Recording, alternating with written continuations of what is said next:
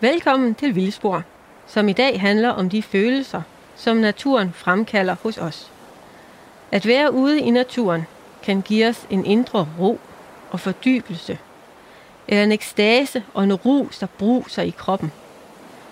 En følelse af samhørighed med naturen, hvor vi glemmer tid og sted, giver slip på dagligdagen og er helt til stede i nuet. Vi bliver som tryllebundet et øjeblik.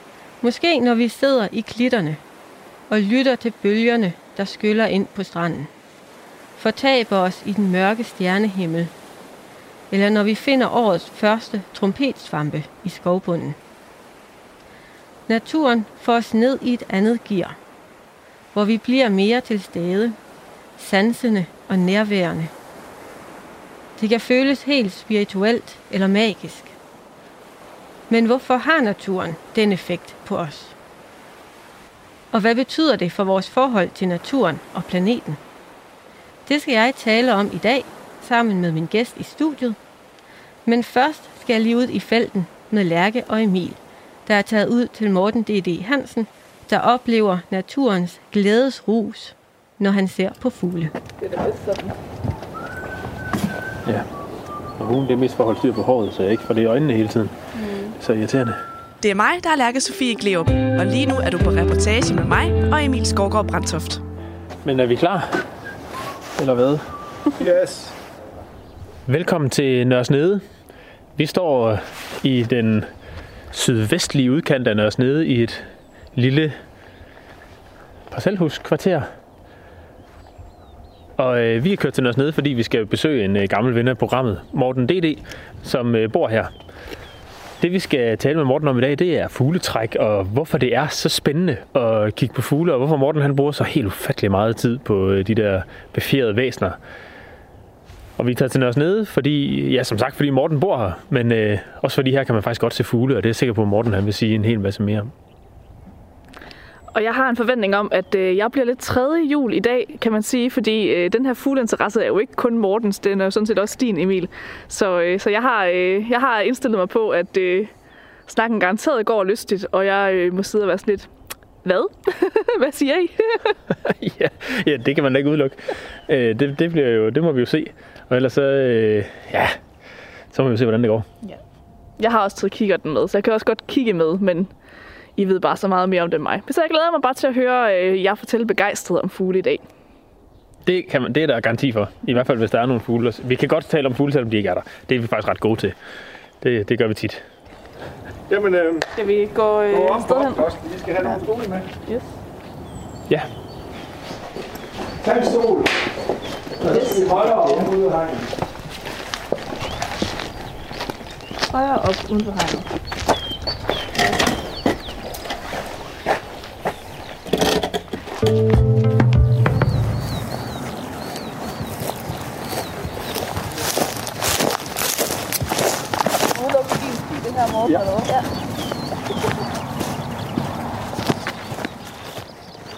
Vi øh, fundet os til rette på øh, Morten D.D.'s helt personlige øh, opspost her i Nørresnede.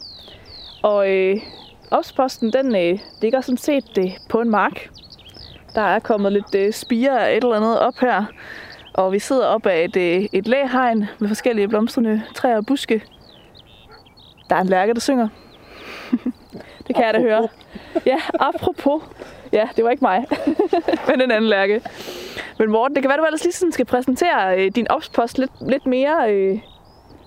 Jamen, øhm, vi er jo i sydvestkanten af Nørresnede, og jeg bor i sådan en andelsboligforening, og i sådan en, en lille hytte der. Og, øh, og så ligger det ud til dyrket marker simpelthen. Øh, den mark, vi sidder på her, der er en, en vinterafgrøde på øh, økologisk, og så har jeg udsigt til en masse konventionelle marker. Og, og det er jo sådan en lærkeland, kan man sige, hvor der er rigtig meget lærkesang. Og da jeg i sin tid flyttede herind, der tænkte jeg, at ja, det var så nok så som så med min ornitologiske karriere, fordi området ser jo ikke umiddelbart ideelt ud til fugle, vel vi kigger ud over helt almindelig dansk dyrkningsland.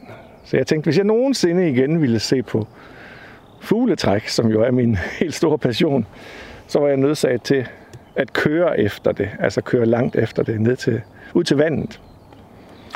Øhm, det viste sig så at være altså, så forkert, som det næsten kan være. Fordi jeg har aldrig nogensinde boet et sted, hvor der er så mange trækfugle, som der er her.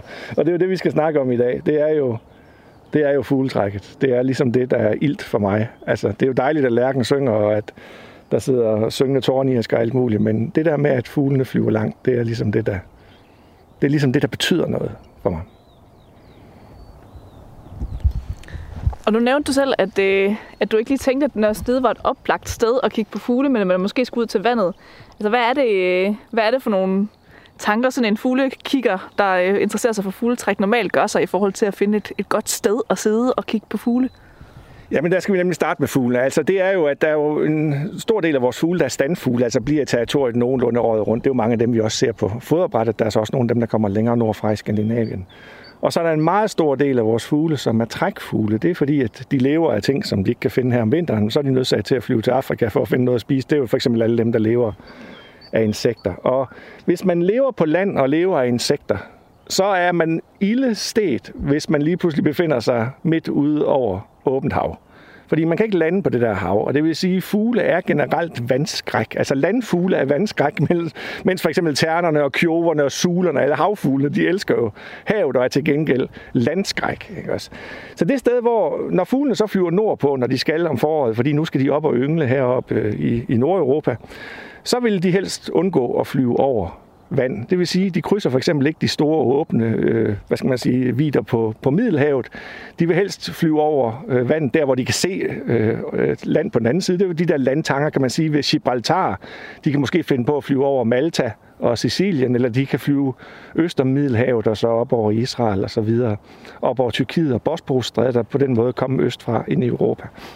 Og når de så kommer til Danmark, så skal de jo til Skandinavien. Og der er jo nogle landbroer, kan man sige, til Skandinavien. Den korteste vej, det er jo det, vi kalder fugleflugtslinjen. Det er jo for eksempel at flyve over Femern Bælt, og så flyve ind over Lolland og videre op over Sjælland, og så krydse ind i Skandinavien op ved, ved Helsingør, hvor der kun er 5 km over. Så altså, der skal man være en rigtig dårlig fugl, hvis ikke man kan klare 5 km. Ikke også? Men Øh, så, det, så det er jo den typiske rute, men når vinden så blæser øst fra, øh, så er der jo mange fugle, der blæser, altså fugle kan forflyttes af vinden. Og det vil sige, når vinden er østlig, så blæses fuglene mod vest, og så ender de, kommer de op igennem Jylland, i stedet for at tage det, vi kalder fugleflugtslinjen over Femern, Lolland osv., så, så kommer de op igennem Jylland, og så skal de jo til Skandinavien fra Jylland, og så er det jo at nogle af dem tager ud på Djursland, og så flyver de over øh, ud fra Gjerild, som det hedder på Nordøstdjursland, over Anholdt og til, rammer ind ved Varberg. Eller også så ender de helt oppe i Skagen. Altså de ledes simpelthen. De flyver over land, så længe de kan, og så ender man jo ude på Pynteren og Pynter og Næs. Så om foråret er det jo Skagen og Nordsjælland og, og, og Djursland, men som efteråret, der vil det jo så typisk være det sydlige Langeland, det sydlige Lolland, sådan nogle steder, hvor man ser fugletrækket. Og så sidder jeg jo her så langt fra vandet, som man overhovedet kan. Altså det vil sige, der er jo ikke rigtig noget, der her presser fuglene, eller koncentrerer fuglene. Det, man kan forestille sig, at det bare kommer som sådan en bred bølge af fugle op gennem Jylland, og så at man egentlig kun kan se fugle i Skagen. Og ja, vist. Altså sad vi i Skagen i dag, ville vi jo få, få se en masse fugle. Altså der er virkelig mange fugle i Skagen. Men jeg kan ikke være i Skagen hele tiden. Der er mange ornitologer, der ganske vist er flyttet til Skagen gennem tiden. Sådan, jeg tror, der er over 100 ornitologer, der, 100 ornitologer, der bor i Skagen nu. Øhm, men jeg sidder midt på en pløjemark i Nørresnede, faktisk nogenlunde så langt fra vand, som vi kan komme i Danmark. Og hvorfor er der så fugle her? Og det er der en grund til, og den kigger vi ned på her. Vi kigger på en, et kæmpe, altså vi kigger på en skov, og øh, den skov kan man sådan set fortsætte, fortsætte igennem. Altså der bliver ved med at være skov langt, langt sydpå i Jylland. Altså det skovstykker i det her kuperede. Vi er jo på den jyske højderyg, så her er der skov og vandløb og søer og alt muligt. Og fugle har det altså med sådan et varieret landskab med skov og søer og kuperet terræn, det vil de meget gerne trække igennem. I stedet for at flyve ud over de åbne marker her, øh, det er sådan lidt, der er jo ikke noget mad, og man kan ikke rigtig luske sig igennem et landskab. Der er ikke rigtig noget at følge. Man kan ikke hurtigt komme i læ for en rovfugl, hvis det er. Så følger fuglene de her skove op gennem Jylland, og den her skov, den slutter altså her ved Nørresnede, og, og så øst for byen her, så går den over i, hvad skal man sige, Søhøjlands skove. Og det vil sige, at, at det virker lidt som sådan en landtange for rigtig mange fugle. Og så sidder jeg her og det opdagede jeg jo ret hurtigt efter, jeg var flyttet herind.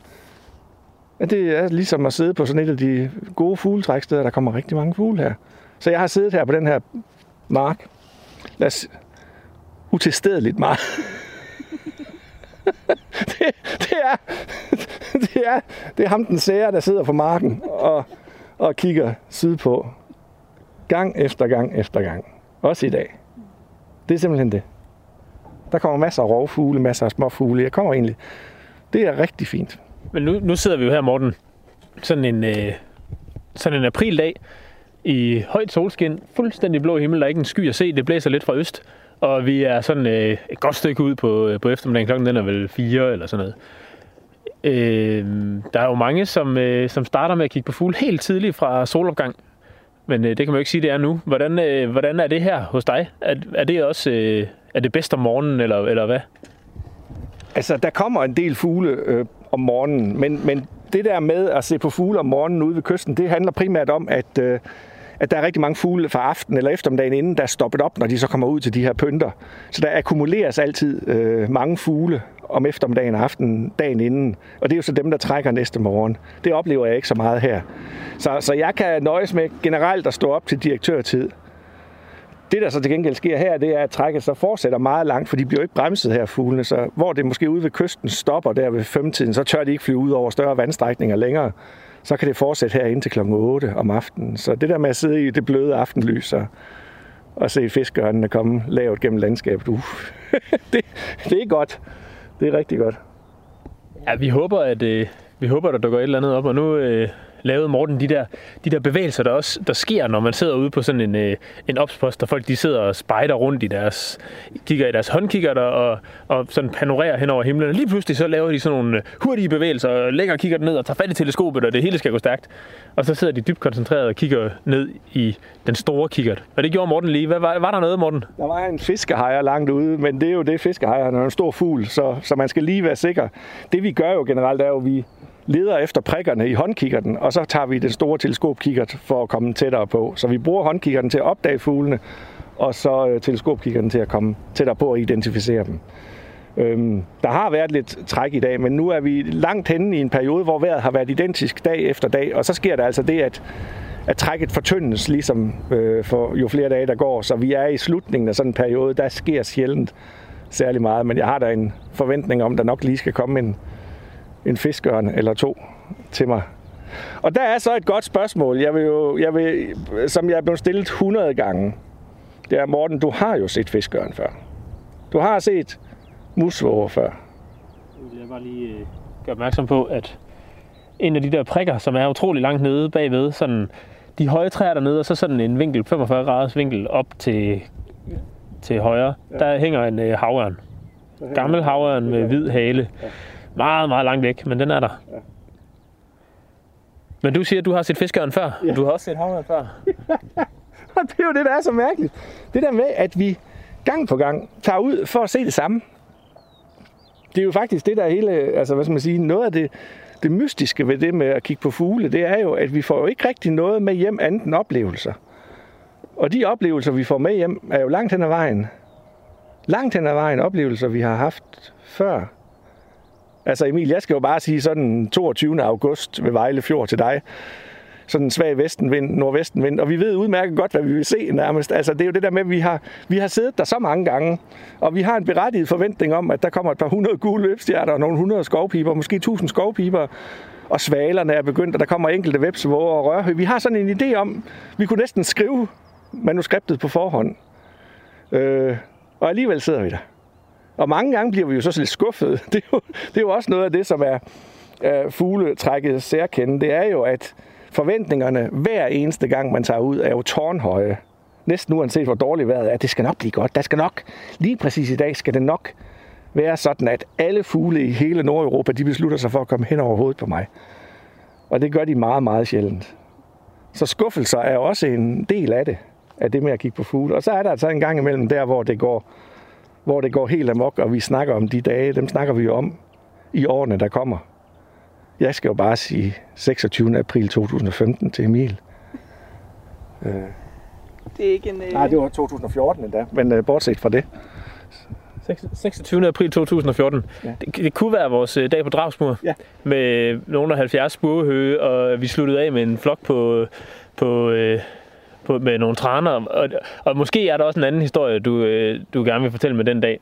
Men den, det ved jeg ikke, om jeg, jeg synes... Også, at det måske var, altså, der er også noget, en vis mobning i det her øh, fuglekiggeri, kan man sige.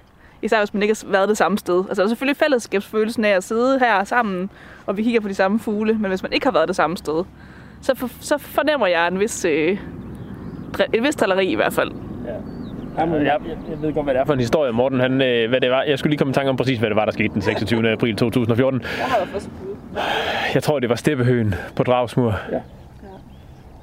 Emil kom et minut for sent, fordi at han lige sammen med nogle andre knaller, der skulle se en øh, mariehønederkop, som er et meget, meget smukt dyr. Altså et af Danmarks absolut smukkeste dyr. Men det gjorde, at han kom lidt for sent til at se for, formentlig den smukkeste fugl, den mest elegante fugl af dem alle sammen, nemlig steppehøen, der kom trækkende lige forbi os. Og der kan man jo sige, at de her tragiske skæbner, altså det, der, der står en vis aura omkring det at være kommet for sent. Det der med, at man kommer for sent til en, man skal op og se en eller anden fugl i Gilleleje, og så to minutter inden man kommer, der er den fugl blevet taget af en spurvehø, som bare fløjt afsted med det er, jo, det er jo sådan en historie, man husker resten af livet. Og, øh, og det er jo også noget af det. Det er jo det der med, at, at dem, der lige mis, dem, der missede toget, der, altså de, der står en vis aura om dem, at de, Hans, der plejer at fortælle om, hvordan han skulle køre med en gyldespreder. Jeg ved ikke, hvor længe. Det betyder, at han kom tre minutter for sent til en gulddrossel op i ty. Siden der har Hans havde et landbrug. Øh, det, kan, det kan være, man øh, men for, for, altså, det, er jo, det er jo svært at forstå det der. Altså, hvad er det, der driver folk til at, til at køre til Thy fra Horsens, hvor Hans bor, til Thy for at se en gulddrossel? Og, og, øh, altså, det er jo svært at forklare. Det, det, er, det er bare fedt at se nogle af de der sjældenheder. En gulddrossel er jo sådan en... Øh, en, en, en drossel, som er enormt svær at få at se. Den lever langt mod øst, og kommer nærmest aldrig til, til Vesteuropa. Øh, og så er den enormt sky. Den gemmer sig altid inde i buskene og sådan noget, men det er, det er en, en fugl, der er, ja, hvad er den? En solsorte størrelse, eller sådan cirka i den størrelse. Ikke? Og så er den øh, sådan, sådan helt fuld af gyldne pletter. Den er bare sindssygt flot, og så har den på undervingerne sådan et, sådan et hvidt bånd, hvidt sort hvidt bånd nærmest, der går igennem undervingerne. Det, det er en meget, meget smuk fugl, som vi hver eneste efterår drømmer om, at det må være det her efterår, at den der sibiriske drossel, den kommer, øh, som gulddrossen jo er, at den kommer til Danmark. Men det er jo et godt spørgsmål, hvad det er der for. Altså netop fordi vi tager jo ikke andet med hjem end oplevelser. Og, og jeg er ikke en af dem, der kører langt efter fugle generelt. Vel? Jeg sætter mig bare ud på min mark dag efter dag efter dag. Og jeg kan ikke leve uden, vil jeg sige. Altså, jeg bliver desperat, hvis vejret sådan i et forår starter så dårligt, at det ikke er fugletræk vejr. Altså, jeg, vi bliver bare mere og mere desperate. Og jeg tror altså, altså for mig handlede, altså startede det med fugletræk jo dengang jeg gik i 9. klasse, det er tilbage i 1988, hvor jeg tog på, øh, jeg skulle på en lejr med Dansk Ornitologisk Forening, sådan en ungdomslejr, for at kigge på fugletræk netop i Skagen. Og jeg havde aldrig kigget på fugletræk før. Og så kommer man derop, og det er den første lune dag i hele foråret. Det er sidst i marts, og det er virkelig lun, lækker lun, sådan en fed luft der. Det er diset sydvestenvind, det er søndenvind, går den i og sydøst, og det bliver sådan rigtig, det er sådan rigtig, nu kommer foråret. Og da vi står op klokken halv seks om morgenen der i, i bullermørke stadigvæk, der, kunne vi, der siger turlederen, vi kommer ud fra sommerhusene, og så siger turlederen, prøv at lytte, drenge. Kan I høre det deroppe? Jamen det kunne vi jo godt det er jernspurve, og når vi kan høre dem allerede nu, så bliver det en god dag. Øhm, og så var man bare klar over, at man skulle være vidne til et eller andet, som, som man ikke kendte. Altså det med fugletræk, altså det er bare, man kan sige, det er sådan et, et det ypperste udtryk for liv og for vildhed i virkeligheden. Nu, snart, nu hedder programmet jo Vildspor, og man kan jo sige rigtig meget af det, vi kigger på som, som biologer, er jo relativt til en vis grad kontrolleret. Altså, kobjællerne og kodriverne kommer sgu nok op samme sted, som de groede sidste år. Altså planter, de går ingen steder. Og svampemycelier findes der, hvor svampemycelier findes. Og ynglefugle findes også typisk der, hvor ynglefugle findes. Altså, de kommer generelt tilbage, men det at se deres træk, det at jeg sad her for en tre uger, nu se, prøv at se svalen, dansvalen, der kommer her, men jeg sad her for en tre uger siden, lige, på, altså, lige præcis her, det var den 6. april, sidst på eftermiddagen, en dejlig lun dag. Og øh, så langt mod sydvest, ned over gårdene, som vi kigger mod, ned mod sydvest og ned over skoven der, der får jeg i håndkikkert øje på en lille bitte, lille bitte prik. Jeg tænker, hvad pokker er det? Så sætter jeg teleskop på, og kan så se, jamen er det ikke en svale for pokker? Og så, jo, det var jo årets første svale, ikke også? Og jeg følger den for at se, om det er en land, eller en by, eller en digesvale. De er svære at kende fra hinanden på lang afstand. Og den kommer tættere på mig. Altså, den kommer simpelthen flyvende op mod mig. Kommer tættere og tættere på. Til sidst, der kan jeg tage håndkikkert på, og, og så kommer den flyvende, altså lige forbi 5 meter fra mig nærmest, ikke også, og så videre der. Det var simpelthen, og jeg ved ikke, jeg blev ramt af det på en måde, som jeg aldrig er blevet ramt af det. Jeg sad stor ud, fordi at, tænk, den fløj lige forbi mig. Jeg op, den kunne have fløjet tusind forskellige ruter forbi her. Ikke også? Fordi den kunne have valgt hvilken som helst vinkel at flyve i. Men den fløj simpelthen lige forbi mig, årets første svale. Det der med, at den har været i, i skide Sydafrika. Og den har krydset regnskoven, og den har krydset Sahara-ørkenen, og den har krydset Middelhavet. Og op over Alperne og Pyrenæerne. Og så hele vejen op over Europa for at komme her forbi. Og i går, der kom svalerne hjem til min garage, hvor jeg jo har dem, og hvor de skider på min bil, og jeg er lykkelig for det, ikke også? Men, men det er bare fordi, det er liv. Det er liv. Og vi har en, vi lever jo lige nu i en tid, hvor alle sådan lukker lidt ned for livet, skulle jeg til at sige, og folk de græder over, at de ikke må tage til festivaler, og jeg ved ikke hvad. Og så er det sgu meget godt at blive mindet om, at livet på den her planet, det insisterer bare på at fortsætte. Det fortsætter år efter år. Altså, de svaler kommer jo år efter år. Det samme gør vepsevågerne, det samme gør sangdroslerne, og alle de andre trækfugle. Og man kan sidde og bevidne et af de største mirakler. Altså, tænk, at sådan en lille skid kan finde vej. Ikke også? Den har været i Sydafrika. Man har faktisk undersøgt det med, hvor gode de er til at finde vej, fordi vi tænker, det er jo fantastisk, at tårnsangeren finder vej til busken heroppe år efter år, og man ved, at det er den samme. Det kan man se, hvor den har fået en farvering på måske, eller et eller andet. Men man har også fundet ud af, at de sidder i samme busk år efter år nede i Nigeria, for eksempel. Altså tænk sig at lige flyve 6-8.000 km. Nå, nå, det er den bus der. Fint. Ikke? Og så sætter man sig der. Og her i sidste uge, der var der rigtig mange ringdrosler. Det er sådan en solsort med en meget, meget smuk hvid halvmåne på brystet. Altså, og ringdrosler er latterlig sky. Men jeg sidder her og kigger ned i busken, hvor jeg kiggede ned sidste år og forrige år. Ned i den pilebusk, der er nede her mod sydvest, nede i engen her. Og lige pludselig sidder der en ringdrossel. Som også, altså der sad også en sidste år, og heroppe er der en to-tre stykker i det her hegn.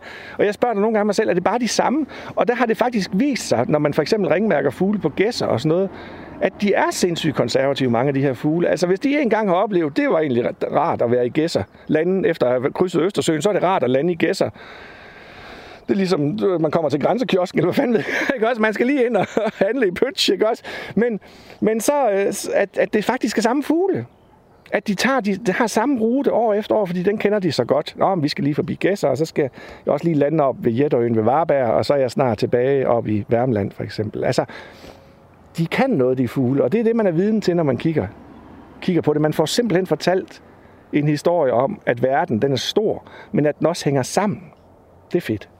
Det er mig, der er Emil Skovgaard Brandtoft, og lige nu er du på rapportage med mig og Lærke Sofie Kleo. Betyder det noget for dig, Morten, at, øh, at vide, at det måske er den samme svale, som yngler i din garage år efter år? Eller, eller er det nok, at, der, at det er en svale? Jamen, det er egentlig et godt spørgsmål. Øhm, for jeg ved det jo ikke. jeg kan jo bilde mig selv ind, at det er den samme svale. Ikke også? Og jeg, har, altså, jeg tror faktisk, nu den svale, jeg har haft her de sidste par år, jeg er ret sikker på, at det er den samme svale. Den sidder næsten på dato og synger ude fra tørresnoren ude i garagen. Så sidder den lige pludselig og kvider der om morgenen. Og det er jo noget af det livligste overhovedet at vågne til. Og det er bare, ja, det betyder noget, fordi det giver et tilhørsforhold til verden. Altså at vi kan jo hurtigt gå rundt som mennesker i en verden og tro, at vi er de eneste, og at alt handler om os. Jeg kan huske, Emil, da vi sad på en klittop i Skagen for en fire år siden, og en af de lærkefalke, der kommer trækkende henover os, der var lærken igen, jo. Ja, der, øhm, men der er en af lærkefalkene, der simpelthen kigger ned på os. Og vi råbte alle sammen, den kigger på os. Det var et kæmpe øjeblik for os.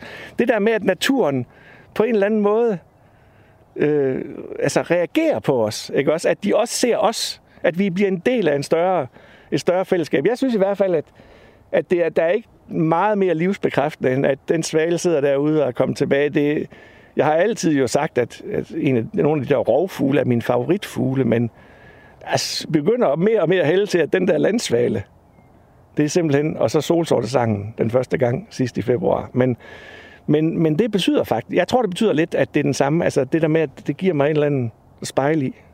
Altså jeg kan godt lige fortælle sådan en lille personlig historie med de der svaler der faktisk, fordi at da jeg, jeg blev skilt for nogle år siden, og det var, det var ekskonen, der fortalte, at, at det skulle være over, og jeg tror, der var sådan en halv time, hvor jeg tænkte, at jeg skulle dø. Ikke også? Altså jeg, havde, jeg anede ikke min levende råd. Og så midt i den der fortvivlelse der, kommer jeg på et tidspunkt til at tænke på svalen.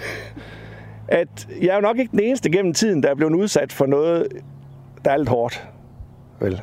Og i det øjeblik, der løsnedes alt inde i mit hoved, og jeg blev klar over, at nu skulle jeg egentlig tage mig lidt sammen, i stedet for bare at have ondt af mig selv. Øhm, og det er så alt sammen meget fint. Øh, det, det, er jo, det er jo en god historie, det der med, at svalen jo faktisk kan være med til at sætte ens liv lidt i perspektiv. At forestille det der med sådan en efterårsdag, sådan en ung svale, der aldrig har prøvet turen før. De gamle, de får længst. Det er jo også vanvittigt. De gamle fugle, de skrider jo bare for de unge, ikke også? Og så skal de unge så, øh, hvor, hvor skal vi hen? Gud, vi skal sydpå kan de mærke, de kan mærke den der trang til lige pludselig at trække sydpå der midt i september, fordi nu, de ved, de ved ikke hvorfor, og så begynder den bare at flyve ned over hele Europa og op gennem Alpepassen, og der kan jo allerede være snestorm i to km højde. Vi har jo set Bjarne Ries cykle rundt i snestorm midt på sommeren, den der, der. Og så kommer de ned til Middelhavet, og man skulle tro, der var der masser af insekter. Det er starten af oktober, alt er godt, men de kan bare mærke, at vi skal sydpå, og så flyver de ud over et hav, de ikke kan se land på den anden side. De tænker bare, det skal de, og så flyver de ned over Sahara. Det kan heller ikke være ubetinget fedt, vel? Og så kommer de til regnskoven, og man tænker, nu koger det, men det er ikke nok. Så de fortsætter over regnskoven, og så til sidst ender de i Sydafrika og kan endelig mærke, at, eller Mozambique eller et eller andet kan mærke, at det kan noget. Men tænk sig at gå igennem det år efter år. Svaler kan jo blive gamle, ikke? Og sådan en lille skidefugl.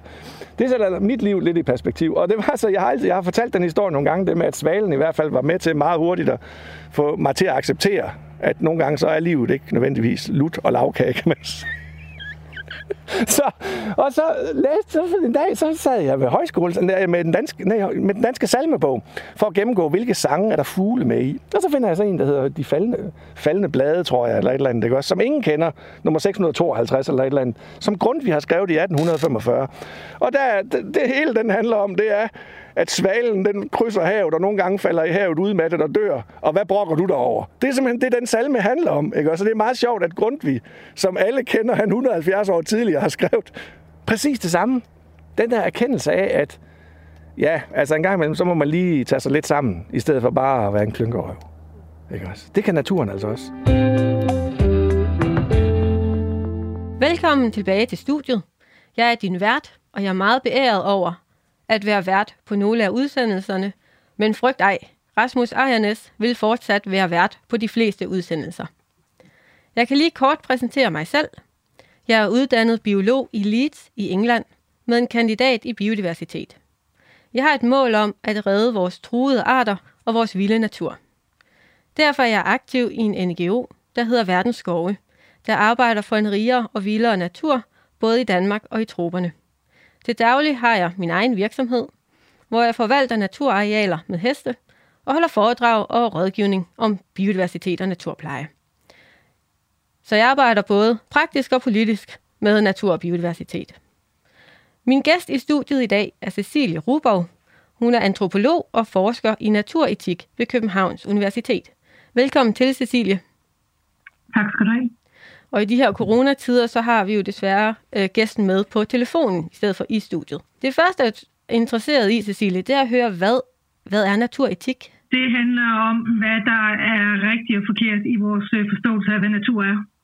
Men det handler for mig at se i første omgang om overhovedet at prøve at forstå, hvad natur er for noget. Og det er det spørgsmål, som jeg har arbejdet med i rigtig lang tid nu. Er du kommet frem til noget, der minder om et svar?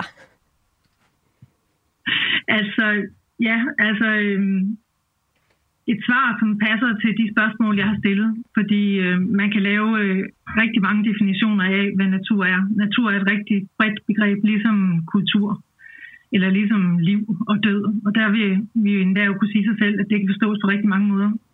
Men jeg har for det studie, som jeg er i gang med, fundet det øh, formålstjenligt at arbejde med tre forståelser af, hvad natur er.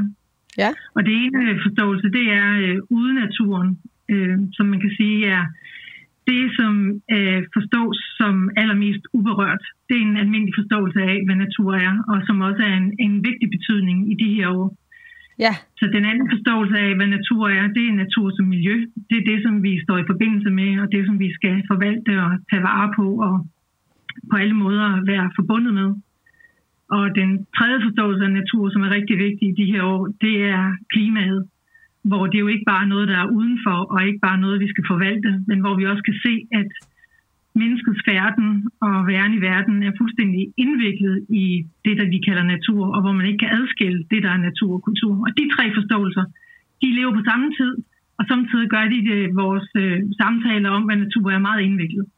Ja, fordi folk taler ud fra forskellige forståelser. Ja. Ja. Det, som øh, vi har fokus på i programmet i dag, det er det med, at naturen kan give os nogle dybere følelser. En følelse af noget indre ro, eller en følelse af stor begejstring. Og øh, der vil jeg gerne høre dig, hvad er det ved os mennesker, der gør, at naturen kan påvirke os på den måde? Nu er jeg jo antropolog, og derfor så siger jeg ikke sådan noget om os mennesker øh, generelt, fordi vores øh, Nå, særlige øh, kan jeg lære det? kompetence, det er at prøve at finde ud af det for bestemte mennesker bestemte steder. Ikke? Så øh, den måde, jeg har grebet det an på, det er ved at gå ud i felten. Det er jo lidt anden felt, end den biologer går ud, af, går ud i. Det kan være de samme steder, men jeg har jo primært fokus på, øh, hvordan mennesker de øh, handler det jeg så har gjort for at prøve at finde ud af det her med, hvordan begejstres mennesker i Danmark i dag særligt. Der Ja. har jeg i første omgang prøvet at se på, hvor er det særligt, øh, at man gerne går hen. Ikke som specialist, men som øh, almindelig borger. Og, øh, og det er meget almindeligt, at folk de siger, at enten skoven eller stranden, det er det sted, hvor at der er rigtig natur i Danmark. Og Ja. det er der, hvor man særligt kan begejstres. Det betyder ikke, at man ikke kan alle mulige andre steder. Men det er der, hvor man flest kan blive enige om, at der kan være virkelig dejligt. Så en del af et større forskningsprojekt med nogle svenskere og en ester, og der er masser af skov i øh, Sverige og i Estland, så det, de har fokuseret på skoven, så derfor valgte jeg at gå ud på stranden. Det jeg så har gjort, det er så, vi har jo rigtig meget øh, strand i Danmark, hvad siger man, der er 7.000 øh, kilometer eller sådan noget, og de er måske ikke alle lige herlige, men jeg har gået øh, på en meget fin strand oppe i Nordsjælland i nærheden af Tisvildeleje, og så har jeg simpelthen øh, spurgt folk der, mødt dem, passet dem op og spurgt, hvad er særligt skønt ved at være her? Øh, Ja. ja. Hvorfor er du her? Hvad søger du, og hvad oplever du? Og der har jeg jo fået rigtig mange interessante øh, svar, og som, øh, som øh, øh, uden at fiske efter det, meget ofte, øh, øh, hvor der meget ofte bliver et, et religiøst sprogbrug omkring det, eller i hvert fald halvreligiøst. Ja, At, øh, hvordan hvad er det for ord, folk sætter på? med, at det er næsten magisk, at det er heldigt, at man bliver religiøs indeni, at hvis jeg havde en religion, så var stranden mit alter, og sådan nogle Ja. beskrivelser. Den her følelse af, at naturen er noget større end os. Ja, Måske. præcis. Og så har jeg jo så spurgt til, det tror jeg er noget, rigtig mange kan genkende, men det er jo så det, jeg så har, har prøvet at finde ud af, men er det så egentlig den samme oplevelse, folk de har, øh, eller fokuserer man på noget forskelligt, øh, og er der nogle overlap i de måder, øh, som folk de ser på det. Og øh, på stranden, der kan man sige, at der er nogle særlige kvaliteter på stranden, som øh, folk hæfter sig ved, og som gør, at nogle mennesker kommer der igen og igen. Jeg skal sige med det samme, at det mest er om vinteren, at jeg har gået der. Det var lidt tilfældigt, at min studie startede i marts. Men øh, det viste sig, at øh, der er nogle meget videnskabelige øh, vinterstrandsmennesker, som øh, kommer hver uge eller hver dag, og som øh, har nogle nærmest sådan ritualiserede måder at gøre det på. De går den samme tur, øh, og de, øh, de gør det gerne alene, øh, og har meget store forventninger til det. Øh, Og øh, det er særligt den gruppe af mennesker, jeg har snakket med. Ikke så meget øh, sommerstrand, den har sine kvaliteter. Ja, Men det, du fortæller mig, det er øh, altså noget af det, der kommer igen og igen, det er det, at man kommer væk hjemmefra, og at man i det, man går over klitten, så åbner ens blik sig, og man ser ud over havet, og man ser horisonten. så det er er udsigten af de åbne vider, som, som i hvert fald er en De del af årsagen til effekten. Og så på stranden er det jo ikke bare en åben vide, det er jo også en streg, det er en horisont, hvor du øh, ser lige ud i universet. Øh, du har meget tydeligt, at du har øh, planeten, jorden, din verden, det du kan se, og så kigger du direkte ud i det uendelige. Ja, Og den der fornemmelse af at kigge ud i det uendelige, og nu er det jo ofte sådan, at der er om vinteren heller, der ikke er forfærdeligt mange skibe at se, det kan der godt være, det gør simpelthen ikke så meget, men man har fornemmelsen af, at der ikke er noget menneskeskabt. Altså havet har sådan en kvalitet af at være øh, sig selv og kæmpestort, og nogle så store kræfter. Og det mødes så igen af en noget endnu mere ufatteligt, nemlig altså universets øh, grænseløse størrelse. Og det at bevæge sig ud hjemmefra, hvor de fleste af os, der kigger ud af vinduet, de ser jo noget, der er bygget. De fleste mennesker bruger måske 90 procent af deres tilværelse indendør. Det at komme ud, og så er der det der fuldstændig åbne syn, øh, kan slå folk med en meget stor glæde, meget stor fornemmelse af livfuldhed, og give dem et meget stort overskud og håb. Nogle siger for eksempel, det med horisonten, det er jo dels, at du står over for det største, eller for, over for uendeligheden, men det kan også for nogen øh, stå for muligheder. Altså, at et er, at du i din egen øh, tilværelse slås for dine egne muligheder, og ved, at der er vilkår, der begrænser dig. Du kan gøre alt muligt selv, men det så at stå her og så vide, at uanset hvad, så er der altid endnu en mulighed. Det kan være et punkt, folk slår ned på. Ja. Hvordan så med skoven? Hvad har skoven af kvaliteter, som får folk til at søge derud? Ja, det kan være noget lidt andet. Nu er det ikke min øh, spidskompetence, men jeg kan jo referere lidt fra, jeg har også øh, været med nogen i skoven, øh, men ellers er det mine kolleger, der især har set på det. Altså det ser ud som om, at det øh, i modsætning til stranden, så er der jo meget, øh, mange væsener i skoven. Det kan skabe en, en, det skaber en forskel, og så er der de, de store træer. Så det føles af en masse liv, eller et mylder af liv? Ja, præcis. Og, og også af gammelt liv. Øh, altså, og at der er rigtig mange væsener, der interagerer. Det, der er lidt uh, pudsigt med stranden, det er jo, at øh, det er jo botanisk set, en, øh, eller hvad sådan noget hedder, øh, naturhistorisk set en, en ørken. Der er jo ikke så mange øh, planter og dyr. Det er der helt sikkert, der er nogen, men det vrimler jo ikke som i skoven. Så det, som folk lægger mærke på stranden, det er, at den her ensomhed, at man virkelig kan mærke sin egen humanitet øh, over for de store elementer. Men i skoven er det jo anderledes, fordi der vrimler det jo med dyr øh, og det vrimler med organisk proces. Ja. Altså hvor det er mere øh, på stranden, øh, der har vi det her tørre sand, eller det våde, vi har havet. Vi ved, at der er masser af liv i havet, men man kan jo ikke se det på overfladen nødvendigvis, vel? Du har ja, man får ikke oplevelsen på samme måde som i skoven. Øh, nu sagde du, at øh, man også havde de meget, den meget gamle natur, eller de store gamle træer, som et eksempel. Øh, kunne man forestille sig, at hvor vi på stranden har horisonten som noget af det uendelige i perspektiv til vores eget begrænsede liv, at i skoven så bliver det tiden, der bliver den her uendelige øh, perspektivering til vores egen tilværelse? Mm, så firkantet vil jeg nok ikke sætte op, men jeg er helt sikker på, at der er nogle forskelle. Altså det er svært at arbejde med sådan nogle klare kontraster, ikke? Men jo. jeg tror måske, at man kan sige, at den største kontrast, jeg har øh, været opmærksom på, det er, især når det er det svenske materiale, så er der rigtig mange, der taler om, om skoven som en form for hjem. Altså det er et andet hjem, og det tror jeg ikke, at der er så mange, der vil sige om stranden. Stranden er mere et udsted, ah, ikke nødvendigvis et sted, man har hjemme. Hvorimod man kan godt forestille sig, at skoven kunne være et vigtigt hjem eller et andet hjem. Og sådan er det jo også for mange svenskere, for eksempel. Altså, de, mange af dem bor jo i skoven det halvdelen af året, eller ja. i deres ferie, eller og har meget gode minder om at plukke bær og, og bosætning og sådan noget. Ikke? Så øhm, kunne jeg godt tænke mig at høre lidt om, hvordan får vi...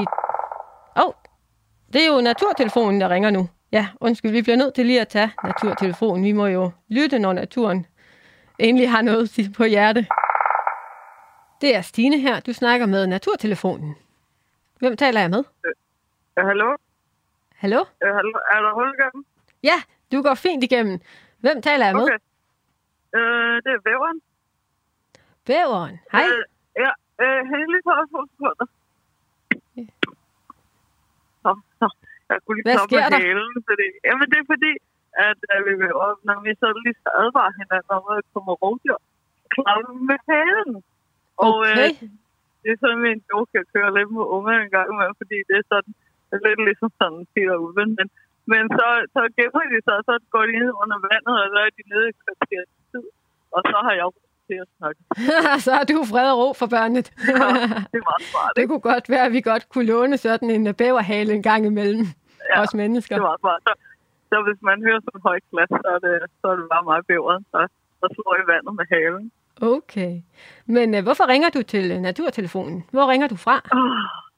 Jamen, øh, jeg ringer ud fra øh, vandløb. Ja. Og øh, det, det er fordi, at øh, jeg er sådan lidt træt af, at folk ikke sætter pris på mig. At folk, hvad er siger du? ret- De sætter ikke pris. Jeg siger, tænderne, det er lidt irriterende nogle gange, man snakker om de der tænder. Men, men folk, folk sætter ikke rigtig pris på mig. Nå, men jeg er da meget glad for bæver. Du oplever, Ja, der er men der er mange folk, mange- der ikke er glade for bæver. Ja. Nå. Ja, og det, der er mange, der ikke rigtig ser pris på mig. Men de forstår mig heller ikke rigtigt. For virkeligheden er jeg jo meget dygtig. Ja, hvad er det, de ikke forstår?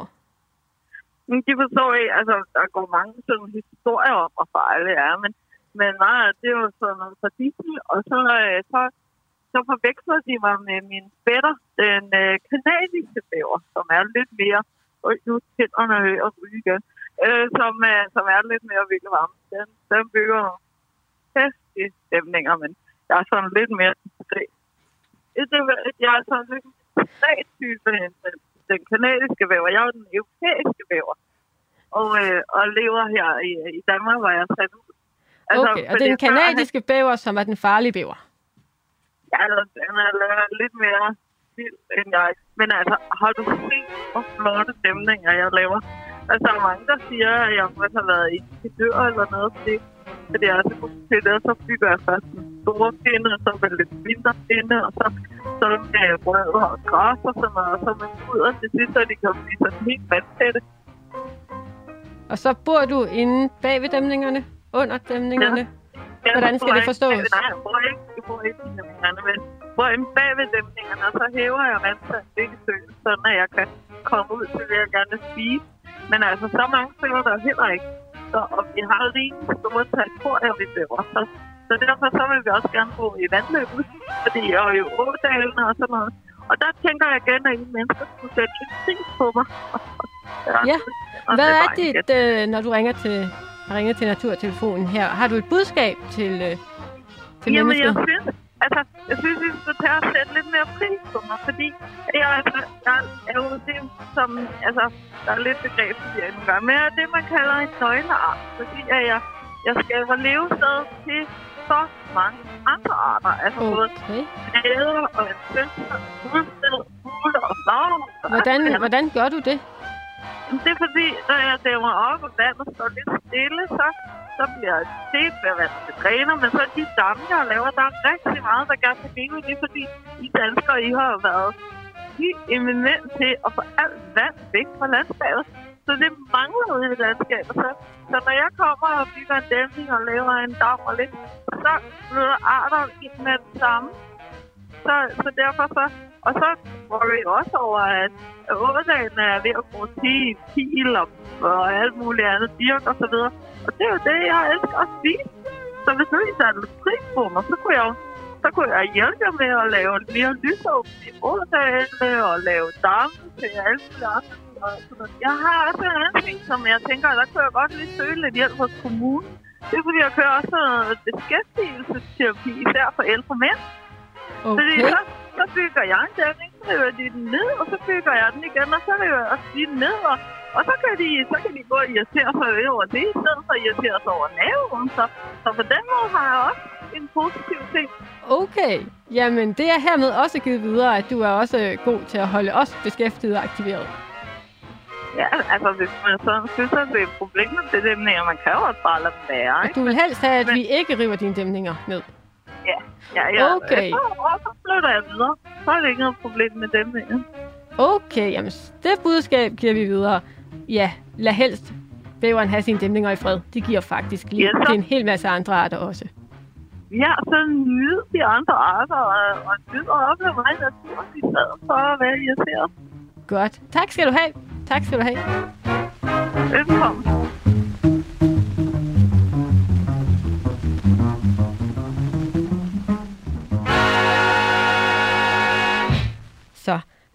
Jamen, øh, tilbage til, øh, til den her, til de her stærke følelser, som naturen kan give os.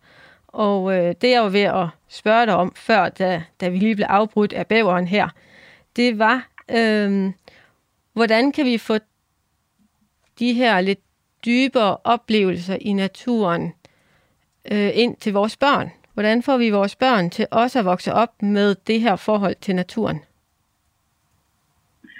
Altså, så skal man jo forudsætte i første omgang, at man har lyst til at give det forhold videre. Altså, det er jo ikke en naturgiven ting. Øhm, der er jo mennesker, der ikke er specielt trygge ude i naturen. Og dem har jeg jo ikke øh, nødvendigvis øh, mødt derude. Øhm, men jeg har snakket lidt med nogle unge mennesker om det. Ja. Altså, for at have deres øh, udgangspunkt, som, som siger, at... Øh, at de igennem et langt skoleliv øh, ikke har været særlig meget ude, og derfor øh, kan være ret utrygge ved det. Altså, man kan synes, at det er virkelig ubehageligt med regnvejr og tænke på, om man overhovedet kan klare sig ude, når det regner. Øh, det skal man måske lære. Man har aldrig tænkt på, at man kan gå uden for stierne. Øh, man ved ikke, hvordan man øh, tænder et bål. Og der er rigtig mange ting, som øh, ved at vokse op i sådan et land som det danske, at man ikke nødvendigvis øh, kender noget til. Og så derfor kan det også, øh, er det jo ikke sikkert, at man har et udtrykt ønske om at give det her videre til sine børn. Det kan være, at man er en af dem, jeg har mødt nogen undervejs, som siger, at de hader at være ude som børn. At de kunne ikke fordrage det. Altså alt det der øh, mudder og krible krabler og alt muligt andet, de vil da meget hellere noget andet.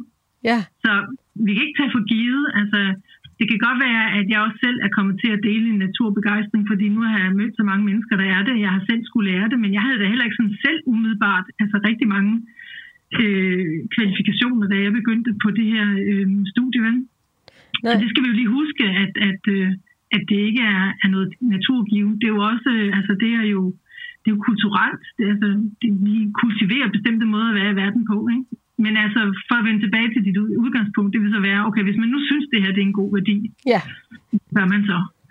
Øhm, det ved jeg faktisk helt, ikke helt præcis, fordi det er ikke noget, jeg har en bedre viden om end så mange andre, men jeg kan jo referere lidt af det, som jeg, jeg har hørt, er, som andre kan se virker, og det er jo simpelthen, at man øh, begynder i det små, og at man bruger tid på det.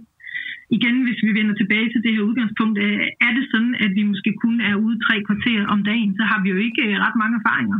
Hvis det er på vej hen til busstopstedet og tilbage, eller hvis det er ude i vores have, eller på en cykel. Så, så det man øh, må gøre, hvis man, hvis man gerne vil lære sine børn det, det er måske, at man i første omgang skal lære sig selv det. Øh, Ja. Eller lære sig selv det sammen med børnene. Og øh, det jeg har lært af andre, når de øh, fortæller mig om, hvordan de selv har lært det, det ved jeg en del om, for jeg har spurgt om, hvordan folk selv har lært det. Så er det typisk, at man øh, sammen med andre tager med ud. Fordi det kan være rigtig svært at lære det alene, men at man øh, tager sammen med nogen, der ved lidt mere end en selv. Så man har nogen man der både kan fortælle, fortælle, hvad det er, man ser, hvad man oplever, men også nogen med, som man kan dele oplevelsen med, og måske Ja. blive lidt smittet af deres begejstring. Ja. Der er faktisk ja. mange ting, man skal lære. Altså, øh, jeg har selv for eksempel haft meget store problemer med at se fugle. Nu er jeg en lille smule nærsynet. Øh, og selvom jeg tager mine briller på, så kan jeg se, at jeg har vendet mig til, øh, at jeg ikke ser så meget. Så for mig er det at se altså virkelig en vanskelighed. Og sådan kan vi jo alle sammen have. Altså, også hvis, man, hvis det er fugle, man begynder at interessere sig for, at lytte. Ja. Øh, er måske også altså efter det er noget, så, så ikke alene skal man finde ud af, at man skal have de rigtige sko og madpakken, og hvor man skal hen, og hvor er fuglen på det rigtige tidspunkt, hvis det er nævnt af fugle. Der er også sådan nogle helt grundlæggende sansemæssige ting. Ja, Så det der med bare at tro, at man kan tage en fuglebog, eller man, man kan, altså det, det, kan være, det er uhyre vanskeligt at oversætte en viden fra en bog til at være Ja. ude. Ikke? det giver noget andet at have nogen med, som, som kan lære fra sig. Ja, det starte med. Ja. Hvis, øhm, hvis folk nu kommer ud og får det her forhold til naturen, og får den her følelse af samhørighed, og det er et andet hjem, og måske nærmest en magisk følelse af at være forbundet med naturen. For det os derefter til også at passe bedre på naturen og planeten. Er der en kobling der? Det er der for nogen, men bestemt ikke for alle. Og det har jeg jo øh, altså interesseret mig rigtig meget for, fordi det var jo nærliggende at tænke det. Det er også tit en pædagogisk strategi Ja. fra en naturstyrelse øh, eller fra naturvejledere. At man tænker, hvis man nu breder disse her herligheder ud for folk, og de føler sig forbundet- forbundet med dem, så kunne det også betyde, at man handlede øh, mere varsomt i forhold til miljø og klima. Men altså, sådan er det ikke nødvendigvis. Vi kan slet ikke tage den der kobling for givet. Og øh, en af de årsager, der er til det, tror jeg, altså det er den øh, hypotese, jeg selv arbejder med i øjeblikket, det er, at øh, det, der er så fint ved at være ude i nat- naturen, når få de der oplevelser, det er, at det er en værdi i sig selv, og man har en opfattelse af, at det står helt i sig selv, og det er en kæmpe stor gave. Det er med til at give kvaliteten i oplevelsen, at man ikke nødvendigvis har et ansvar. Ja. Det er fordi naturoplevelsen i dag meget står i kontrast med, at vi i, på andre punkter i alle mulige samfundsmæssige an, øh, sammenhænge oplever et meget stort ansvar og en, en, en, alting er organiseret og målet, målt og kontrolleret. Så kommer du derud, og så oplever du faktisk en frihed fra alt det der. det er et sted, hvor vi kan give slip på alt det ansvar, vi har Ja. i Og dagligdagen. det betyder ikke nødvendigvis, at man så smider alt muligt affald omkring sig og opfører sig som altså en tosse vel. Men det betyder bare, at, at selve den oplevelse, den kvalitet er borget af den der modsætning. At nu oplever man altså, at, at her der, der kom, det kommer ud af ingenting. Jeg får alting foræret. Øhm, og øhm, jeg oplever ikke den tunge forpligtelse, jeg ellers gør. Måske også fordi, bare et, et, et gæt, øh, fra mig, at det bliver en selvstændig oplevelse. Man går ud i naturen og oplever samhørigheden og kærligheden med naturen. Og bagefter så går man hjem igen, og så kommer man ind i sin dagligdag, og det bliver ligesom adskilt som to forskellige rum, som ikke nødvendigvis får indflydelse på hinanden. Når man så går tilbage til sin dagligdag, så ligger man ligesom naturoplevelsen og naturfølelsen øh, bag sig ind til næste gang, man tager ud for at opleve den igen. Så det bliver to adskilte, i stedet for, at man tager følelsen med hjem og tænker, okay, det var en fantastisk samhørighed. Hvordan kan jeg tilrettelægge min hverdag, sådan at jeg passer bedre på den natur, som jeg nu føler mig forbundet med? Fordi man slipper følelsen af at være forbundet og tager tilbage til sin dagligdag, men man tager ikke følelsen med sig. Hmm.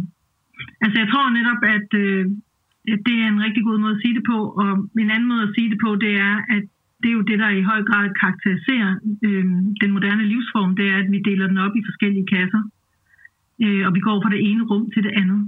Ja. Men øh, det betyder jo ikke, at der er folk, som ikke gør det, og som faktisk øh, finder det meget vigtigt at forbinde de her ting. Og min fornemmelse, det er, at vi i de her år, i kraft af biodiversitetskrise og i kraft af klimaforandringerne, hvor vi ikke mere kan sige, at det store udenfor bare er udenfor, at vi forstår, hvor meget vi er forbundet med det, så er det min fornemmelse, at der nu findes flere og flere måder at forsøge at skabe de der forbindelser.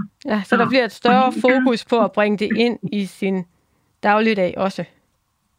Ja, så ja. man kan sige på den ene side, vi kan ikke tage for givet, at de forbindelser bliver skabt, men det er jo så nogle af, nogle af dem, som, altså folk, som finder det vigtigt, kan jo være opmærksom på, hvordan kan vi skabe de her forbindelser.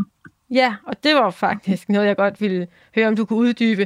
For hvis det ikke er det at komme ud og få en stor kærlighedsoplevelse i naturen, øh, eller en stor glæde, eller en stor fordybelse, øh, hvad er det så, der skal til for, at vi ligesom også handler på at passe på naturen og planeten? Jeg øh, kan jo svare ud fra det, som jeg selv finder mest øh, afgørende i det arbejde, jeg selv laver. Og der øh, vil jeg sige, at selve det, øh, at man kan reflektere over det, at man kan se, hvor forskellige naturbegreber og hvor forskellige, forskellige måder, vi forstår naturen på, jo mere vedholdende vi arbejder refleksivt med det, så er der måske også mulighed for at handle, ikke bare på én måde, men på 100 måder eller 1000 måder. For jeg, øh, min vurdering er jo også, at det er vigtigt at få forbundet de her tre forskellige måder øh, at øh, være i verden på, øh, de her tre forskellige former for natur. Og jo bedre vi kan forbinde dem på alle mulige leder og kanter, og det, det kan foregå praktisk, det kan foregå øh, eksistentielt, intellektuelt, øh, teknologisk, sociologisk, det kan foregå på alle mulige øh, måder. Og der kan man sige, at min métier, det er så at forsøge at, at reflektere det, sådan at øh, øh, og skrive om det og gøre det klart. Og så, så tror jeg jo, at med en større øh, viden om det, så vil det også være et bedre øh, grundlag at handle på. Ja, så det handler om at opstille nogle handlemuligheder for folk. Det er ikke nok, at de bare har følelsen af, at naturen er, øh, er dejlig at gå ud i. Der skal være nogle Ja. helt konkrete muligheder for, Ja. hvad de kan lave af tilpasninger i deres hverdag. Også det, altså på alle planer. Øhm, det er jo, øh, der er ikke sådan et øh, en fix løsning på det her. Så det vil være et kæmpe samarbejde imellem øh, rigtig mange sektorer og rigtig mange øh, folk, som finder det her vigtigt. Er det noget, som, øh, er noget, som vi i højere grad skal tænke ind i skolerne, eller skal vi sætte ind et andet sted? Altså der vil jeg igen understrege, at det har jeg ikke forstand på. Øhm, men jeg, øh, jeg kan da forestille mig, at med en, øh, et liv, der er så gennemsyret af, at vi mener, at det vigtige, det foregår indendør. Jeg ved godt, der også er ude skole, men hvis man ser på, hvor mange procent af, af børnene, der er ude, øhm, eller som beskæftiger sig med miljø konkret, eller som mm, beskæftiger sig med, med klimaforandringer som øh, et kæmpe kredsløb, og hvor hvordan vi er filtreret ind i hinanden. Altså jo mere øh, børnene vil kunne lære om den måde, vi, øh, vi er forbundet med vores omgivelser, både helt lokalt og globalt, øh, jo bedre udgangspunkt øh, tror jeg da, at de vil have. Ja, øh, spændende. Det kan vi dykke ned i i anden time. Nu bliver vi lige afbrudt af nyhederne. De kommer her.